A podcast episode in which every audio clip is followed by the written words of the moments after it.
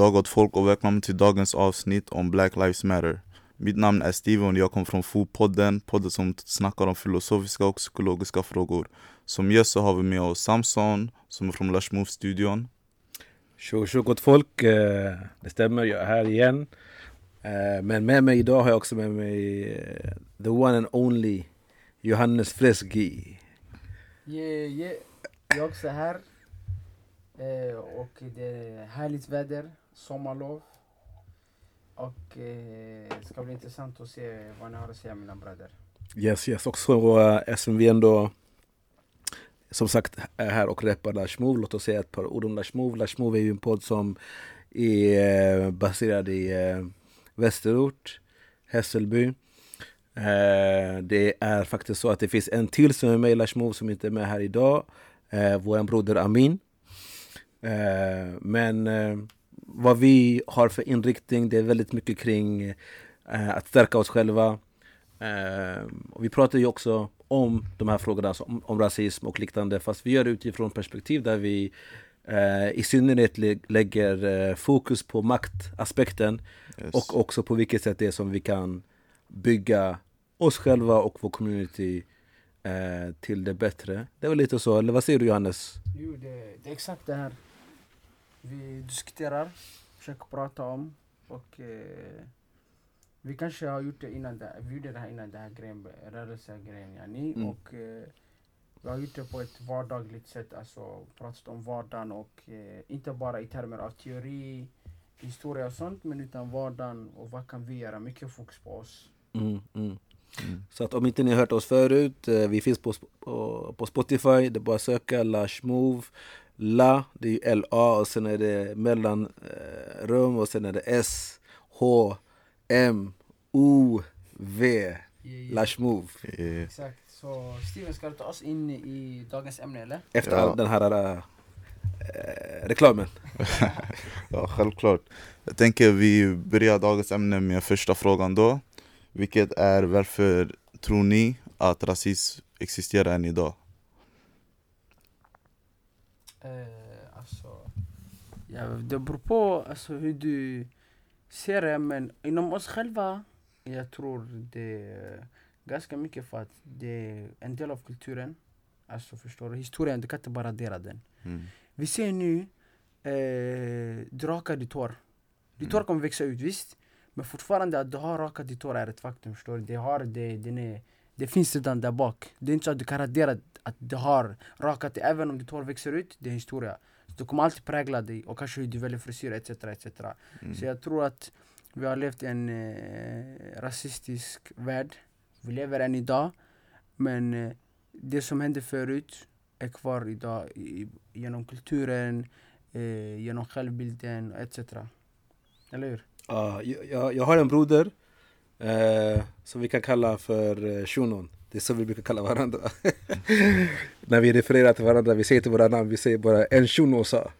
Men i alla fall, eh, han brukar säga så här, att, eller han brukar använda exemplet när det gäller just de här sakerna om, om rasism och varför det finns kvar. Så skulle han säga att, eh, så som Johannes sa, mm. vi har ett, eh, ett förflutet yes. som är rasistiskt. Och varje samhälle influeras ju av sin historia. Så inget samhälle är ju skapat i, ur ett vakuum, mm. utan historien påverkar såklart samhället. Och varje individ i det här samhället påverkas av eh, samhället. Mm. Så att då blir det så enkelt så liksom att det blir som tre steg. Om vi har ett rasistiskt eh, förflutet så mm. kommer det påverka samhället och det i sin tur påverkar individen. Så för att vi inte ska ha rasism idag då måste vi först och främst dekonstruera, alltså förstå på vilket sätt det är som rasismen är konstruerad mm. och sen eh, ta loss byggstenarna så att säga av rasismen, mm. alltså dekonstruera den mm. och sen bygga upp ett nytt samhälle. Så det är en process, eller en process menar jag. Ja. Och eh, den processen har vi inte riktigt eh, genomgått utan det har varit mycket att man har sopat rasismen under mattan. Mm. Ehm, men det är inte riktigt så man blir av med eh, vilket tillstånd som helst. Om du har en trauma så måste, behöver du göra upp med den. Ja. Ni har en poäng där. Rasism är något som inte tas upp ganska mycket när man du är med bland kompisar och sådana grejer. Kanske det är små ord som tas upp och, men ingen diskuterar det så ofta som man skulle vilja göra det. Som du sa, att man diskuterar det mer för att senare kunna ta ner det. Mm. Tror du mer, det är det folk behöver göra mer, mer i skolor och mm. så vidare. Det nämns knappt om svart historia i skolan. Mm. Så jag tror att det behövs mer samt från föräldrar också. att de säger till sina barn, okej okay, det är så här samhället ser ut. Mm. Du säger att det inte borde se ut. Och det här är vad du kan göra för att det inte ska se ut som det gör idag. Sanning. Så jag tror att ifall vi påbörjar den här processen nu redan vi som är unga, mm. som är nästa generation och med våra barn och barnbarn. Mm. Så kan vi på ett sätt börja den här processen och bryta ner hela den här rasismen från systemet och från folks tankar. 100 procent. Ja. Och sen också det här med att eh, historia berättas och du sa att man inte i skolan. Och det berättas inte men när det väl berättas då det är mer eh, Alltså det är inte det, det, nödvändigtvis det som är sanningen, förstår du?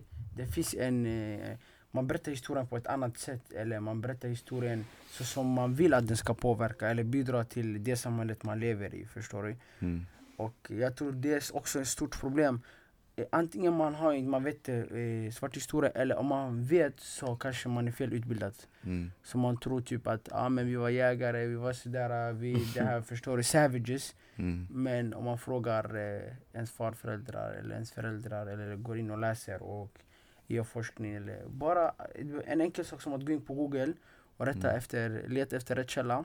Mm. Så hittar man ganska snabbt att mycket av det vi lär oss är inte nödvändigtvis rätt. Mm. Jag håller med dig där. Jag tänker också att vi borde... Att ja, en av de sakerna till att rasism pågår idag och existerar är de här små fördomarna som existerar bland folk. Att ja, vissa är så här på grund av vart de kommer från, deras etniska bakgrund. Andra är så där. Det är något som har pågått i hela historien som Samson berättade om i första podden då med hela den här rasisthistorien. Så att försöka bryta ner de här för förutsättningarna som folk har gett andra är ett sätt att bryta ner hela det här rasistiska systemet och den här, de här fördomarna som finns bland folk. Så små kommentarer även kan bidra till rasism. Och att man inte ska tillåta det att existera och prägla vårt samhälle som det är idag.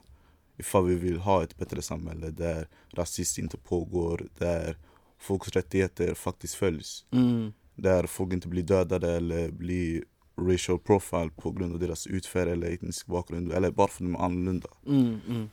Så de här fördomarna är också ett sätt för oss att bidra till ett bättre samhälle. Och det är något som en själv kan göra. Du menar att man bearbetar sina fördomar? Exakt. Ja. Som senare kan sprida till sina vänner, sin familj. Ja. Ja. Jag, jag, jag, eh, självklart håller jag med dig att uh, ens fördomar ska bearbetas.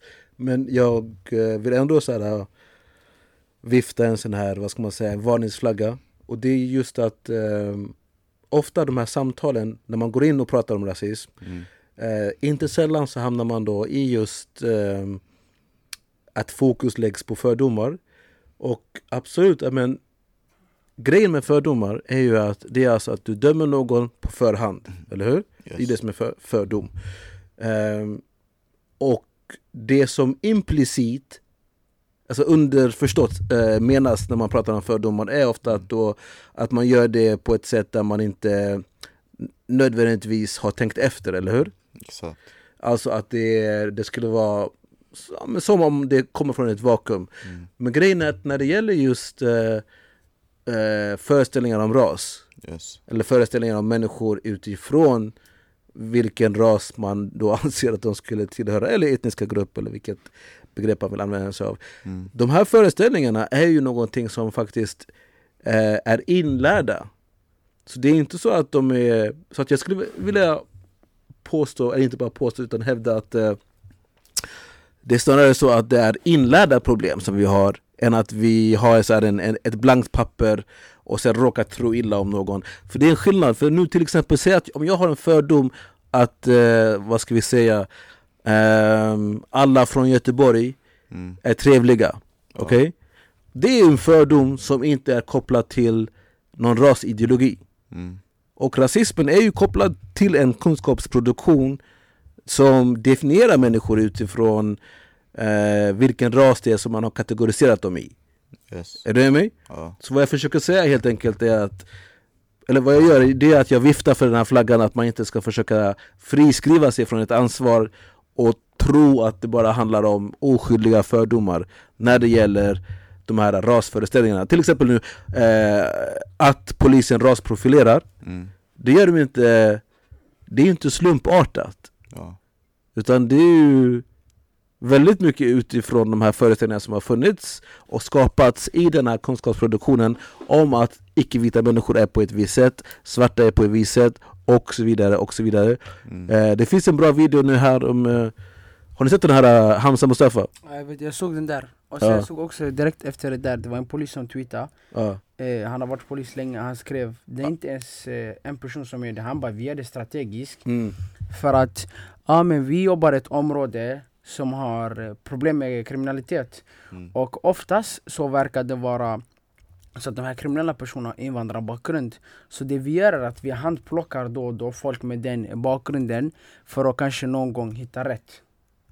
Mm. För att öka chansen att vi hittar rätt. Så det är inte eh, exakt, det är inte någon alltså, här, person som är, eh, snä, eh, som är snäll men råkade ha fördomar eller person som gjorde fel utan det är på daglig basis. Mm. Mm. Och oftast när man frågar också om sina rättigheter så, ja men, ah, du frågar för dina rättigheter, ja du, du är misstänkt då, helt plötsligt. Mm. För i så fall, om du är oskyldig, varför skulle du bry dig om, om att eh, värna om dina rättigheter? Man bara va? Mm. Precis, precis Ja det var den här Martin, eh, vad heter han, Martin eh, någonting. Han är om, områdespolis Ja. i Rinkeby. Det var han som sa sådär och det, det är ju knas det han säger eftersom det han gör är att han, han Han säger ju att polisen rasprofilerar och inte bara att han säger det ur ett eh, kritiskt perspektiv utan han försvarar det Och det intressanta är att om du kollar, om ni kollar, gå in på nätet så får ni se bara för någon vecka sedan, senast för någon vecka sedan och fram tills dess så har alla polischefer som har fått kritiken eh, eller man har, man har diskuterat det som sker i USA Mm. eh, med någon polischef, jag minns inte vilken det var, om det var allra högst upp eller om, om det jag var har också länspolis sett den intervjun. Vad sa du? Jag har också sett den där. Där han sa nej, vi sysslar inte med rasprofilering i Sverige. Han golar ner hela truppen. Han Martin ja, exakt. Ja. Han golade ner dem. Och alla visste ju det i och för sig, men då, nu är det officiellt. Mm. Jag har personligen inte sett eh, det ni, ni snackar om då, men ni har en poäng där. eh, Och de ser ju det själva att de, ja, omedvetet, eller inte omedvetet men på ett sätt, de gör det fast de visar inte det. Mm. Jag tror det är det de flesta gör i USA också. Att de ja, har sådana där förutsättningar och de kollar på statistik, statistiken från brott som sker då. Och att som du sa, att det är, på, det är oftast folk från utländsk bakgrund som gör de här brotten. Ja, det, det är vad de hävdar, men, men återigen, det, det är ju när sådana här kommentarer sägs som de ska granskas. Mm. De ska, som jag brukar säga, dekonstrueras. Eh, för att i det här fallet nu, det stämmer inte. Alltså han bygger sin slutsats på en falsk premiss. Mm. Det är inte så att eh, de flesta brotten eh, begås av människor med utländsk bakgrund eller utomeuropeisk bakgrund. Utan faktum är att de flesta brotten här i Sverige, och det är inte så konstigt egentligen eftersom vi bor i Sverige, de flesta brotten här i Sverige begås av människor med svensk bakgrund. Mm. Sen så kanske det finns en överrepresentation, men det, den överrepresentationen innebär, säg att det finns 10% icke-vita Mm. i Sverige, eh, om de då begår, säg 15% Mm. av brotten, det skulle innebära att det finns en överrepresentation. Är ni med? Mm. Då är det fortfarande så att 85% av brotten begås av vita. Mm. Så det, det är ju en faktor. Sen, sen behöver man också se det på ett annat sätt också, det är ju klass. Alltså historiskt sett, det har ju alltid varit den som har varit mest utsatt, Mm. alltså socioekonomiskt utsatt, som begår brott. Exakt. Innan det här med invandrare och eh, såna här grejer. När det inte fanns invandrare, då de som be- begick brott också, det var, förstår du? Exakt. Den klassen. Och det beror också på vilka brott man tittar på. Ja. Förstår du? Och det är något de inte tar hänsyn till oftast när de pratar i. Då Mm. folk blir fintade, förstår du? De, ser in, eh, de accepterar den här premissen. Ah okej okej, det är därför, förstår du? Ja, Ja. Ja, ja alltså det, det, polisens operativa arbete det kan inte särskiljas från samhällets... Nu jag på att citera mig själv. Men jag, jag skrev det, eller sa det här i ett tidigare sammanhang att polisens operativa arbete det kan inte särskiljas från samhällets normer i stort. Det är ingen slump att samhällets socioekonomiskt mest utsatta grupper eh, råkar vara just romer, Mm. muslimer och svarta. Det är ju alltså för att det finns en kunskapsproduktion som är rasistisk eh, och en rasistisk ordning i samhället i sig. Eh, och det i sin tur eh, gör också att det, det är de som är i högst utsträckning utsatta för rasprofilering. Det vill säga om, om du är förtryckt i samhället och har en dålig ställning ekonomiskt Mm. och so, so, socioekonomiskt egentligen om man kollar på det, på det stora. Då, det här är något som, är väldigt intressant för att jag hörde det här från ehm, jag, jag var på en konferens eh, som anordnades av DO eh, av eh, Diskrimineringsombudsmannen Mm. eh, för, det här var för några år sedan, i alla fall då så hade de bjudit dit eh, även poliser från England Yes. Eh, och då var det just två, två svarta poliser som kom från England som jobbar just med de här frågorna och försöker liksom att, ändra på hur det ser ut i, i England just Mm. när det gäller de här frågorna. Och eh, de sa någonting väldigt intressant och då pratade de någonting om ett begrepp. De sa att det finns en granted authority Yes. Eh, vilket menas att eh, samhälles, vad man säga, samhälls, ehm, de som har makt i samhället Mm. ehm, och samhällsnormen i stort eh, ger polisen någon form av informell eh, mandat Mm. att gå på vissa grupper i samhället. Så när de går på just de här grupperna i samhället så blir det ingen reaktion. Mm. För att samhället är lite överens om att de här grupperna kan vi trycka ner på. Mm. Till, till exempel förut, eh, de här sa just då i England, jag vet inte om ni känner till det men ehm, det har ju varit, eh, det här var kanske för 20 20-30 år sedan och sånt där ehm, som det fanns en, ehm, en rörelse Mm. som hette IRA eh, som jobbade för att, eller som kämpade för att eh, Nordirland skulle tillhöra Irland. Mm. Okej? Och de gjorde det, eh, deras kamp, det var bland annat eh, våldsam. Så att de, de hade olika bomber här och där. Mm. Eh, jag tror att det ofta var så att de, de ringde innan liksom någon bomb smälldes av så att de inte eh, dödade människor. Men jag är lite osäker, jag, jag ska inte ha, säga för mycket. Men poängen i varje fall är att då, då var det irländare som rasprofilerades. Så att om du hade ett namn till exempel som lät irländskt så kunde du trakasseras. För att det fanns en granted authority, alltså en informell auktoritet given till polisen att ge sig på irländare. Och det var ju inte så att alla irländare var IRA-medlemmar. Mm. Eh, faktum är att även Irland, alltså, de här IRA de kämpade inte bara mot eh, Englands centralmakt utan det fanns ju även, eller ja, på den tiden framförallt så, så fanns det protestanter även i Nordirland som ville att Nordirland skulle tillhöra England. Ja. Så med andra ord så finns det alltså irländare som krigar mot irländare om den här saken. Mm. Så att om du ska profilera alla, ah, ni fattar vad jag menar. Det blir ju inte på rätt sätt.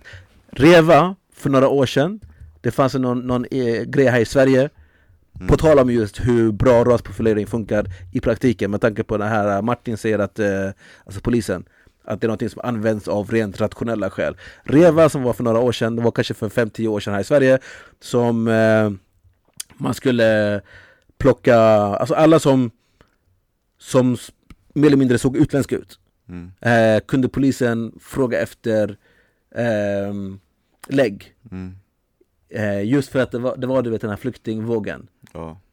Eh, och då så, så, det man gjorde var att man kringgick lagstiftningen som skyddar dig från att eh, förhöras hur som helst. Mm.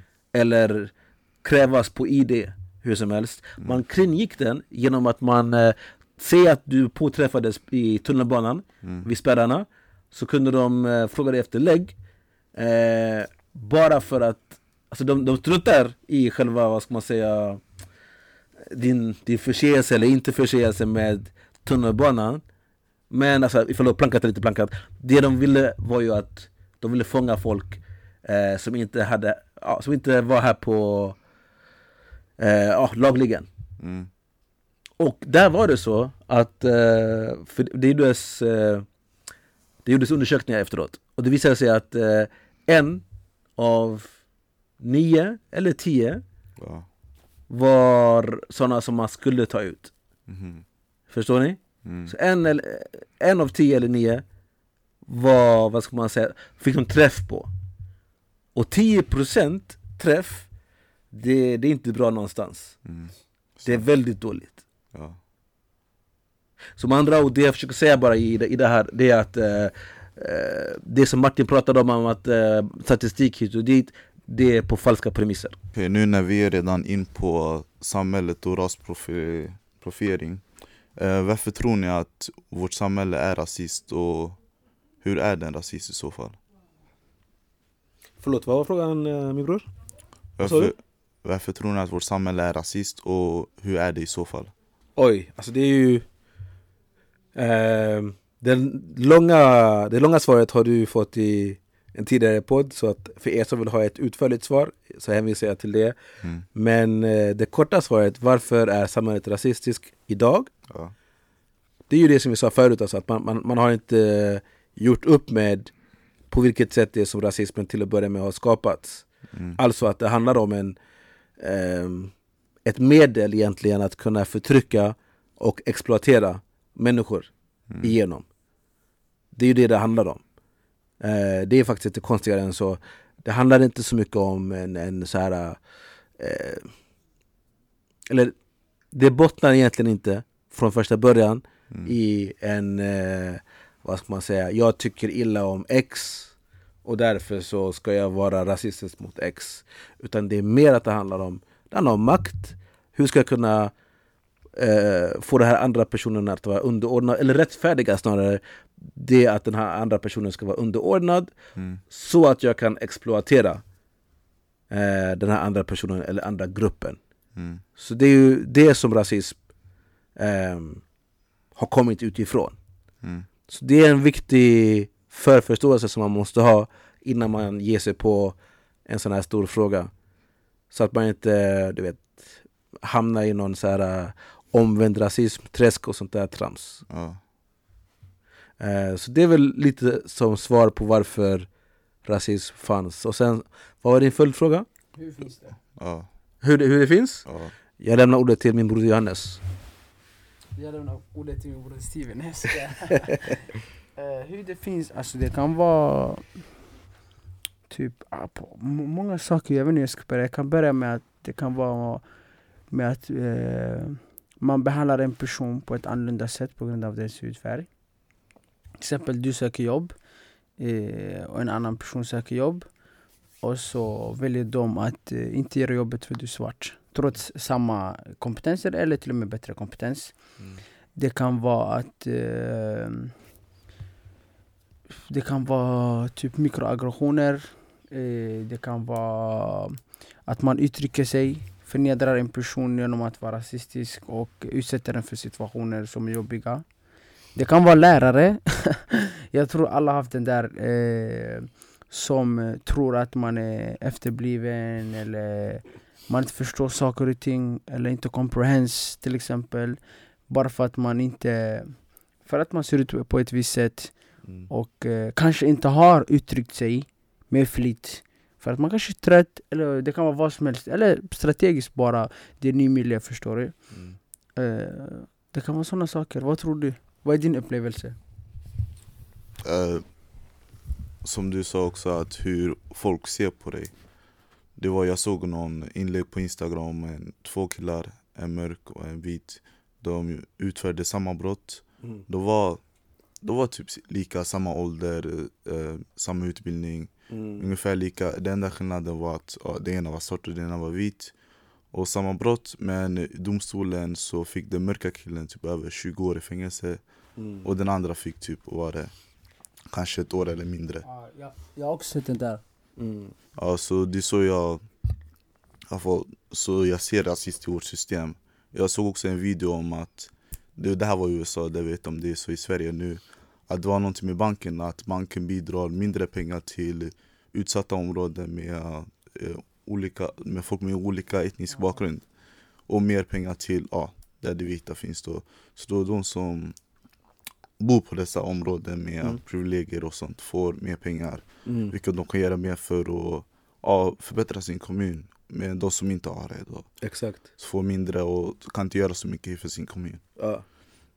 Så det är ett sätt som jag också sett hur systemet är rasist. Än en gång såg jag det, att det var så i USA, jag vet inte om det är så här i Sverige idag. Berätta. Det vet jag inte ifall Ja. det är så i Sverige idag. Ja, men ja. det är ett sätt att kunna se systemet som rasist. Ah, okej. Jag tänkte också alltså eh, Frågan var hur, vad, vad var frågan egentligen? Hur ser rasist ut i vårt samhälle? Ah, det kan vara också att alltså, självbild, vad man har på självbild Mm. Och typ när vi var yngre, jag ska vara ärlig och alla som gick i min skola vet det här Alltså grabbarna som är vi, ingen av oss tänkte någonsin att vi skulle ta med oss med en svart guzz förstår du? Folk tänkte hela tiden ey jag vill ha en vit guzz Hur vi ser på våra systrar förstår du? Man tänker att de är vackra, man tänker nej nej bre Hur man pratar om eh, andra personer med eh, en viss eh, bakgrund, hur man ser på dem, hur man uttrycker sig Alltså om sig själv, trots att man är svart själv förstår du? Hmm. Man tänker man är finare, kanske för man är ljusare och såna här saker. Och det här är något man lär sig med åldern. Men trots tidig barnålder, vi hade en sån där bild förstår du. Och det där är internaliserat, det är hur vi ser på oss själva, på varandra.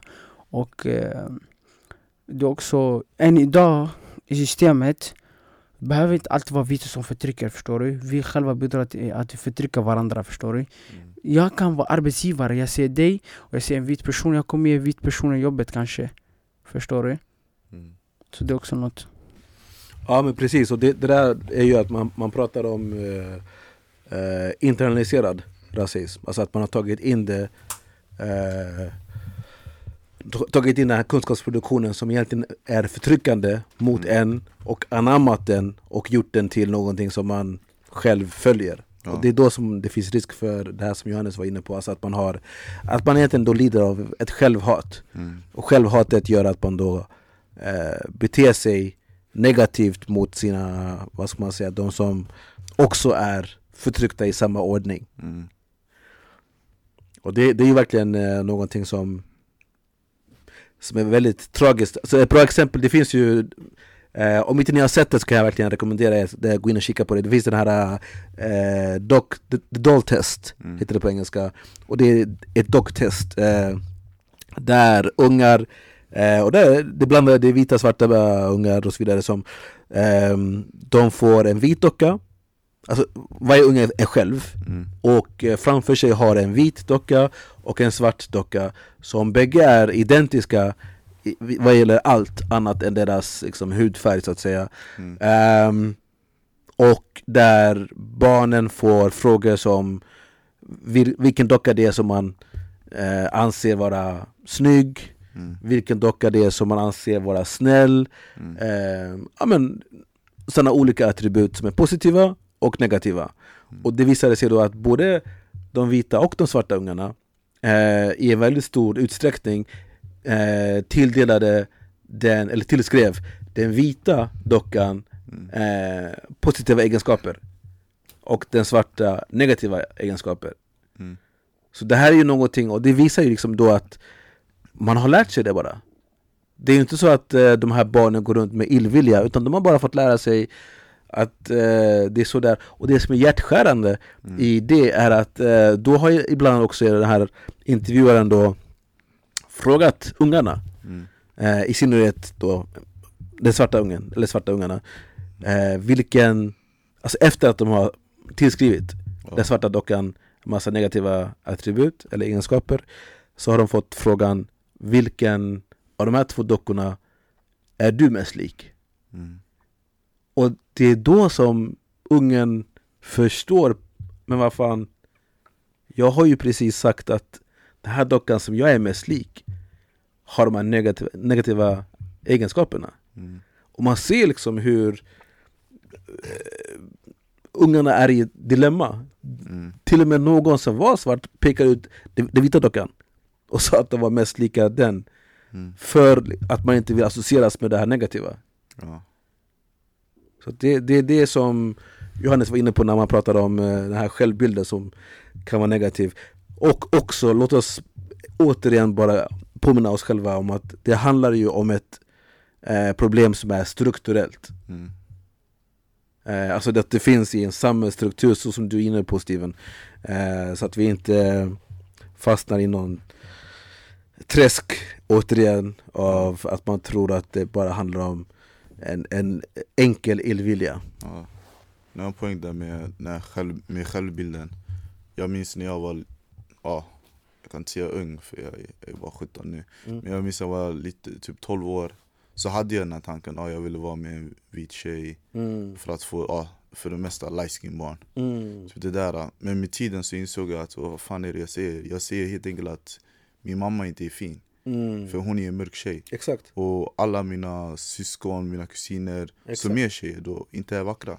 Mm. Så när jag väl insåg det så tänkte jag Nej det här är inte okej Och sen så blev det som att min hjärna öppnades upp på nytt Snyggt. Så jag såg vackert för vackert, inte ah, du är svart, du är vit Nej jag såg att du är fin, du är fin Ah. Jag minns en gång, det var ganska nyligen Jag, jag såg en skitfin tjej och mörkhyad Right. Så jag var med en annan tjejkompis då, hon också mörkhyad Sen Ja. jag sa ah, det här är den finaste svartingen jag någonsin sett Sen, men jag tänkte inte på det på den tiden Ah.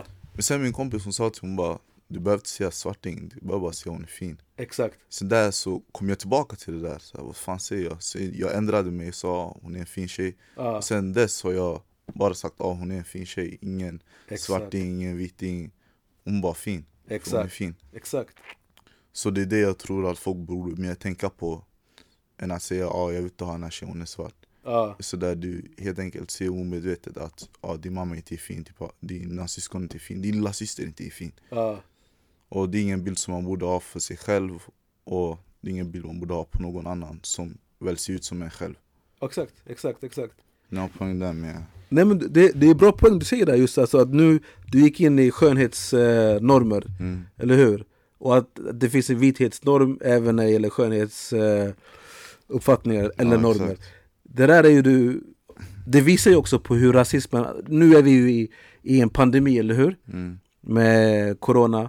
Rasismen har varit en pandemi senaste 400 åren, alltså att det har spritt sig inom alla samhällsskikt som finns. mm, Det finns ingen samhällsskikt, ingen ehm, samhällsfält överhuvudtaget som inte är eh, drabbad av den här rasismen. Eh, och därför så behöver vi helt enkelt, för att hela oss, så behöver vi ta reda på hur sjukdomen har kommit till Mm, eh, och adressera sjukdomen på allvar. Och inte bara tro att det ska gå bort genom att vi, ja, att vi träffar varandra eller nå- något liknande. mm, För, vad jag syftar på här är ju att eh, ofta så folk har föreställningar om att om, om bara svarta och vita människor eller eh, förorten och innerstan, om de bara träffas så försvinner rasismen. mm, Men vi träffas ju hela tiden. sant. Många som till exempel städar är ju icke-vita och de städar i vitas hem. Mm, Eh, de städ- städar i Max, de städar tunnelbanan mm, eh, och så vidare. Vadå? Så att det är inte så att man inte träffar på, alltså att det är inte så att eh, alla träffas i samhället. Man träffas, fast frågan är inte om man träffas utan under vilka villkor man träffas. mm, sant. Sen du har en poäng där faktiskt. Nu om vi ska gå tillbaka till hela den här Black Lives Matter och hela, hela det här problemet med protest och Yes. all that så skulle nästa fråga då vara bidrar protest till någon skillnad? Uff. Ja, det är en stor fråga Steven. Ja, Det är en stor fråga och eh, mitt svar är definitivt ja. Alltså, men också, alltså det, det, det gör ju en skillnad. Frågan är vilken skillnad egentligen. mm, Ehm, och jag vill först och främst verkligen ge en shoutout till alla de som har varit ute och protesterat, i synnerhet eh, alla unga människor som har eh, avsatt tid för att eh, säga ifrån mot den här eh, ordningen som vi har. Eh, en stor shoutout till er. Eh, ni gör något som är viktigt. Verkligen. det är väldigt viktigt och det, det, det behövs. ja, Utan tvekan. Så det är vad jag vill säga först och främst. Och sen med det sagt, ja men absolut, alltså, det går ju alltid att titta på vad det är som man kan göra för att effektivisera. Mm. Eh, och nå de målen som man eftersträvar. Mm. Och för att göra det så behöver man såklart till exempel vara mer konkret kanske. Mm. Eller inte kanske, utan det, det är vad jag anser. Att eh, det går att konkretisera eh, och att även se till så att man har en, en tydlig eh, adressat. Mm. Alltså om man nu till exempel säger Black Lives Matter, eh, vem säger man det till? Mm. Eh, och när jag säger så så menar jag inte att eh, man bara får säga till det ena eller andra utan jag menar att man själv reflekterar över vem det är som man säger det till. Mm. Eh, och om man säger det till ens egna kollektiv, Mm. ja, då kanske det till och med räcker där. Eh, att man poängterar att vi betyder någonting. Våra liv betyder någonting. Vakna upp till exempel. Okej? Mm. Det, det är en fullt, eh, fullt, vad ska man säga, nödvändig eh, ståndpunkt bara där. Mm. Men sen utöver det, om det är så också att man vill komma åt samhällsförändring, alltså att man, man avkräver ett ansvar från makthavare, Ja. då behöver också eh, ens, ens eh, krav artikuleras. Mm. Eh, och där är det också så att det, det finns ju, och det, det, som det här som jag tror att vi eh, som kollektiv kan tänka lite mer på, på vilket sätt som det är som vi Man behöver inte uppfinna hjulet på nytt vid varje tillfälle Yes. Utan det finns ju saker och ting som har skett förut eh, Och jag tror att man kan dra lärdom av det Utan att eh, för den saken skulle låsa sig till det som har hänt förut Mm. Men att man tar med sig det som man anser vara användbart Nu, det jag syftar på i det här fallet är att eh, På tal om det här med att man, man ska artikulera och eh, vara konkret i sina krav till makthavaren Mm. Jag själv har ju varit med eh, och gjort just det Mm. Eh, tidigare har jag varit med eh, och väldigt mycket aktiv i, i Afrosvenskarnas riksförbund. Mm. Och i det sammanhanget så var jag också huvudförfattare för en rapport. Vi tog det här till FN. Damn. Ja, ja, vi tog det hela vägen till FN och eh, det var också någonting som faktiskt Malcolm X sa också. Det var ju någonting som han var på väg att göra. Han, han var på väg att ställa USA ehm, inför, inför FN helt enkelt och Mm. ifrågasätta hur USA ehm, efterlever sina skyldigheter i enlighet med FNs rättighetsstadgar. Mm. Eh, och det är det som vi faktiskt gjorde. Eh, vi gjorde just det. Alltså, det finns ju den här uh, raskonventionen. Det finns ju, jag tror det är niotal olika konventioner eh, om mänskliga rättigheter i FN. Mm. Eh, kvinnokonventionen, barnkonventionen som blev lag nu här i Sverige alldeles ny- nyligen. Ja. Eh, och det finns även raskonventionen. Eh, och varje konvention granskas av en kommitté som utses av eh, medlemsstaterna. Mm. Eh, och kommitténs syfte är att ja, men helt enkelt granska medlemsstaternas efterlevnad av sagda konvention. Så raskonventionens eh, kommitté, eller övervakningskommitté, den heter CERD. Ja. Eh, Committee eh, on the Elimination of Racial Discrimination. Mm. Okej, så det var till dem som vi skickade in eh, en, en, eh, en alternativ rapport. Mm. För själva den här, ah, nu, nu märker jag att jag blir långdragen, men, men det som jag egentligen vill komma åt här är alltså att det finns en, en eh, det finns flera rapporter, men det här är en av, rapport, en av rapporterna som finns Där vi tog fram ett antal krav Mm.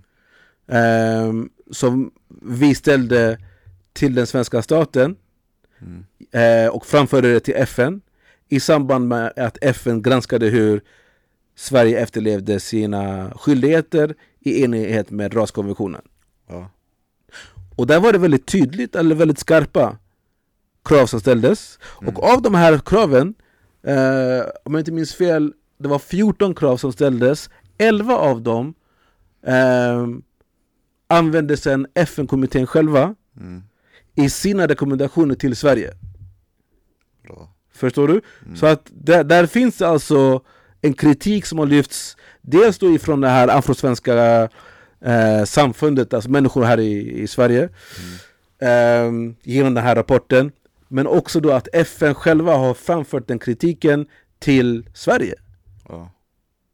Och det i sin tur ledde till någonting som ja, Sverige eh, Sveriges representant i det här fallet var arbetsmarknadsdepartementet För då fanns det en eh, integrationsminister som heter Erik Ullenhag Mm. Han i sin tur då när han fick den här kritiken sagt, ja, inte, sig, inte bara till sig utan till hela regeringen Där han var representant just för den här frågan eh, Han ehm, efter, ja, Han utlyser Mm.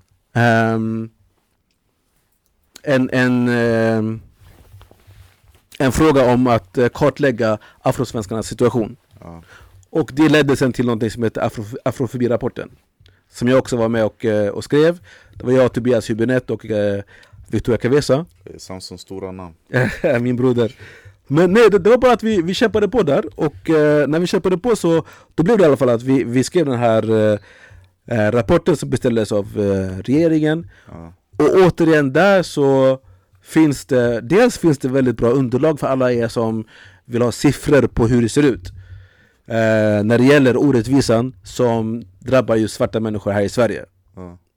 Ehm, Så det, det är en omfattande rapport på det sättet Men det finns också Många av de eh, kraven Mm. som eh, jag skrev i den här huvudrapporten först till, eh, eh, till FN Ja. den, de togs också in i afro, afrofobi-rapporten Mm. och utökades. Eh, så även där då så finns det väldigt tydliga, skarpa rekommendationer på vad det är som behövs för att förbättra eh, livsvillkoren för afrosvenskar. Mm. Så det jag menar här är att istället då för att enbart eh, säga Black Lives Matter så kan man dessutom, om det nu är så att man tycker att det finns något krav där i som är av nytta, så kan man lyfta upp det och driva den frågan vidare och pressa. För det är så som politiken oftast funkar. Det är att man håller fast vid någonting väldigt hårt och kör och kör och kör tills man får igenom det. Jag håller med dig. Jag håller med dig 100% Det är det jag själv tycker, jag har varit med i den här protestgrejen och jag insåg att det kommer inte räcka med en protest eller två Det är någonting som behöver vara konstant, en successiv process Mm. Ifall vi vill få igenom det här meddelandet Mm. Ifall vi vill att politikerna ska förstå och ta det här allvar Ifall vi vill att Sverige ska på riktigt ändra på systemet Mm. Så att det inte rasprofilierar någon från utländsk bakgrund Precis. Bara för att ja, de känner att personen är misstänkt Ja. Det är någonting som jag upptäckte när jag var där också Och min kompis, ja, min, jag snackade med min kompis efteråt, han frågade mig Mm. ja, bidrar, eller bidrar protest i någon skillnad? Alltså gör det någonting på riktigt? Mm. Så jag sa till ju, alltså, det- är ju bara att du går runt sen du pratar, du skriker sådär Mm. Det är det men det visar att du vet vad som pågår i vårt samhälle och Mhm. du accepterar inte det Mm. Du vet att folk blir utsatta bara för deras etniska bakgrund, deras hudfärg Exakt. eller något annat och du Ja. accepterar inte det Du vill att Sverige ska följa de mänskliga rättigheterna som de har skrivit på. Ja. Och att det är ingenting som du vill att du eller dina barnbarn ska leva i Ett så samhälle är det någonting du absolut inte accepterar. Ja. Och det där ser du helt enkelt genom att bara gå ut och säga ah, Black lives matter, no justice, no peace.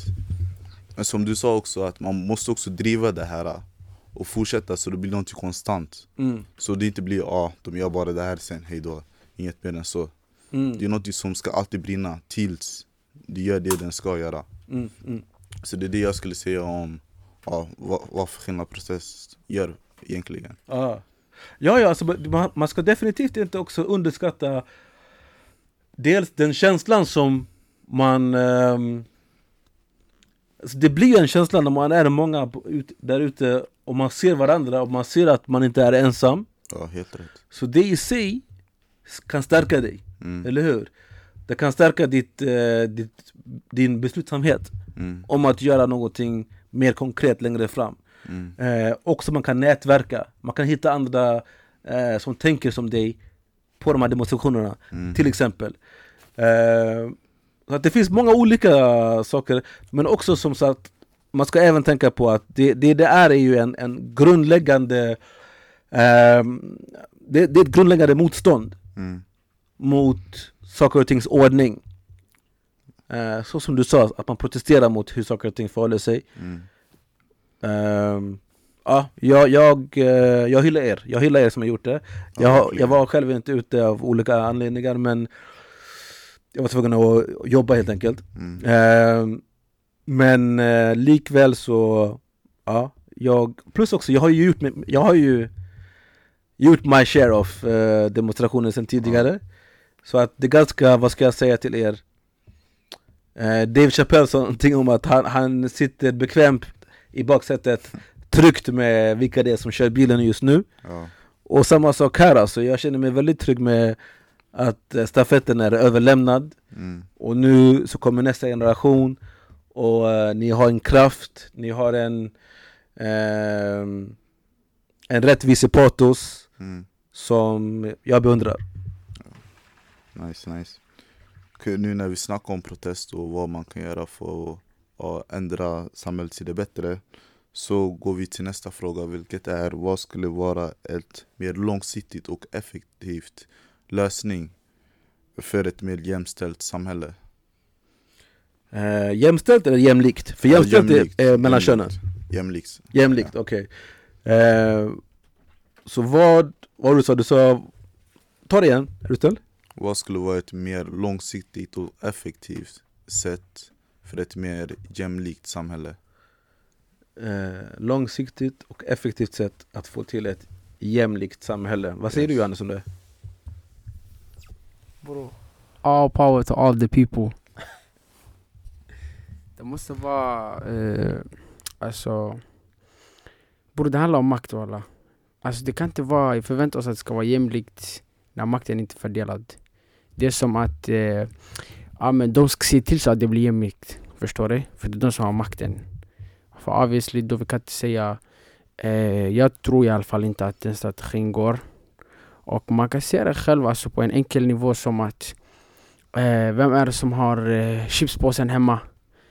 Min stora syster Vem ska se till så att alla får lika mycket? Min stora syster Blir det ofta så? Nej. Men om jag skulle också ha en på- eh, chipspåse och jag kunde styra, förstår du? Eller om jag hade drickan då jag kunde byta ut någonting med henne Man, man hör bror att din syrra hon, har- hon har drabbat dig alltså. Nej nej, det var ett exempel, ja, vad hände? Ja? ja, sh- Shoutout till heaven!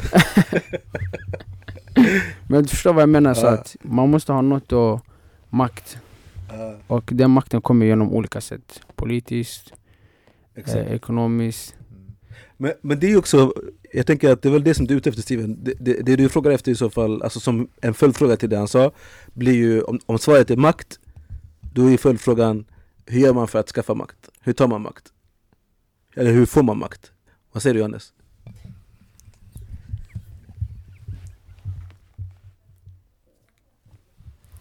Bro, jag tror helt enkelt att man måste göra det på olika sätt. Bror man ska skicka hela familjen, en person eh, blir politiker, stryper kommunen, en annan person startar företag, eh, anställa alla bröder och systrar, en annan person eh, kanske äger land. Så att man, eh, vad ska man säga, man, eh, man ska ha tillgångar, ha en stabil ekonomi, Se till så att alla får jobb, se till så att man inte jobbar åt någon annan person förstår du. Du ska inte jobba åt eh, den som du vill ha makten ifrån. Mm. Jobba åt varandra, hjälp varandra. Och sen grejen är, alltså demonstrationer och sånt, det är ett bra sätt att ta makt. Men samtidigt, kolla, ett delat på 365, hur mycket blir det? Det blir typ 0,2 procent. Mindre Kolla, 0, ja exakt 0,27 procent. Okej så pass, ja Ja, 0,27 procent av året de är såna här då man demonstrerar förstår du. mm. Tänk dig om du kunde istället 10 dagar eller två dagar i veckan, en gång i veckan eh, se till så att eh, du utbildade alla dina svarta grannar på om ekonomisk eh, litteratur eller eh, en utbildning inom det dina grannar är intresserade av, dina bröder och systrar. Eller hjälpte läxhjälp med ensamstående mamma som jobbar hela tiden, hon kan inte hjälpa sitt barn. Mm. Du hjälpte henne med läxhjälp. Förstår du? Det finns mycket sätt vi kan ändra på bror. Och jag tror det där sättet att ta makten, förstår du? Mm. Alla eh, ungdomar utbildar sig. Och när jag menar utbildning, jag menar att det behöver inte vara en akademisk utbildning. Det handlar om alltså, ekonomisk litteratur, eh, förstå hur samhället funkar. Förstår du? Mm. Se till så att eh, vi är eh, medvetna och hjälper varandra istället för att bara sociala medier Jag tror den här sociala medier-grejen har gjort att folk blir så här. de tror de har gett ifrån sig makten, förstår du? Nu jag har gjort mitt, jag har lagt ut, jag har gjort shoutout Mm. Förstår du? Och de Mm. tänker ja men jag står för Black Lives Matter. Bror, Det handlar inte om att bara stå för det, förstår du? Det handlar om att göra det Mm. Och eh, för mig i alla fall, det, det är min uppfattning att en person som demonstrerar två gånger, tre gånger, en gång om året har gjort betydligt mindre än en person som har hjälpt en, eh, en annan unge en, eh, med läxhjälp, en svart unge med läxhjälp en gång om veckan. Mm. Så det är det jag tror mitt, ett sätt att ta makten och kunna göra en förändring. Jag håller med det du säger om makten John. Och jag, och jag tycker också att vi borde ta mer plats i det här samhället. Istället för att vara ute på gatorna och chilla med kompisar och gå till Donk och bara chilla med guzzar och såna här grejer. Vi borde på riktigt ta skolan seriöst och bli någonting senare i livet. Så att vi inte senare söker ett jobb eh, där bossen är någon björn eller någonting. Så att vi egentligen tar plats och visar att ja, vi har makt. Vi, är inte, vi chillar bara inte och bara rappar och något sånt. Vi, vi är smarta, vi kan göra förändringar i samhället, vi vet saker. Och vi kan lära oss snabba. För jag har sett många mörkhyade som har gjort stor samhällsskillnad. Och jag tror också att nästa generation och till och med den här generationen kan göra något sånt ifall vi börjar ta allt seriöst. Jag såg en tjej på instagram, hon pratade om mörkhyad och hur starkt att ha en akademisk utbildning faktiskt är. För om du educate yourself, som du sa också John, då kommer du i princip gå närmare till den makten som behövs för att ändra på samhället. Så ja, det är det jag skulle utmana våra lyssnare. Jag utmanar mig själv med det varenda dag med den här podden. Och med hela grejen att få mer kunskap så jag kan senare få den här makten och göra riktig skillnad i det här samhället. Och jag hoppas att ni som lyssnar tänker samma sak. Om ni inte har gjort det, då ni börjar ta det seriöst och börja göra det.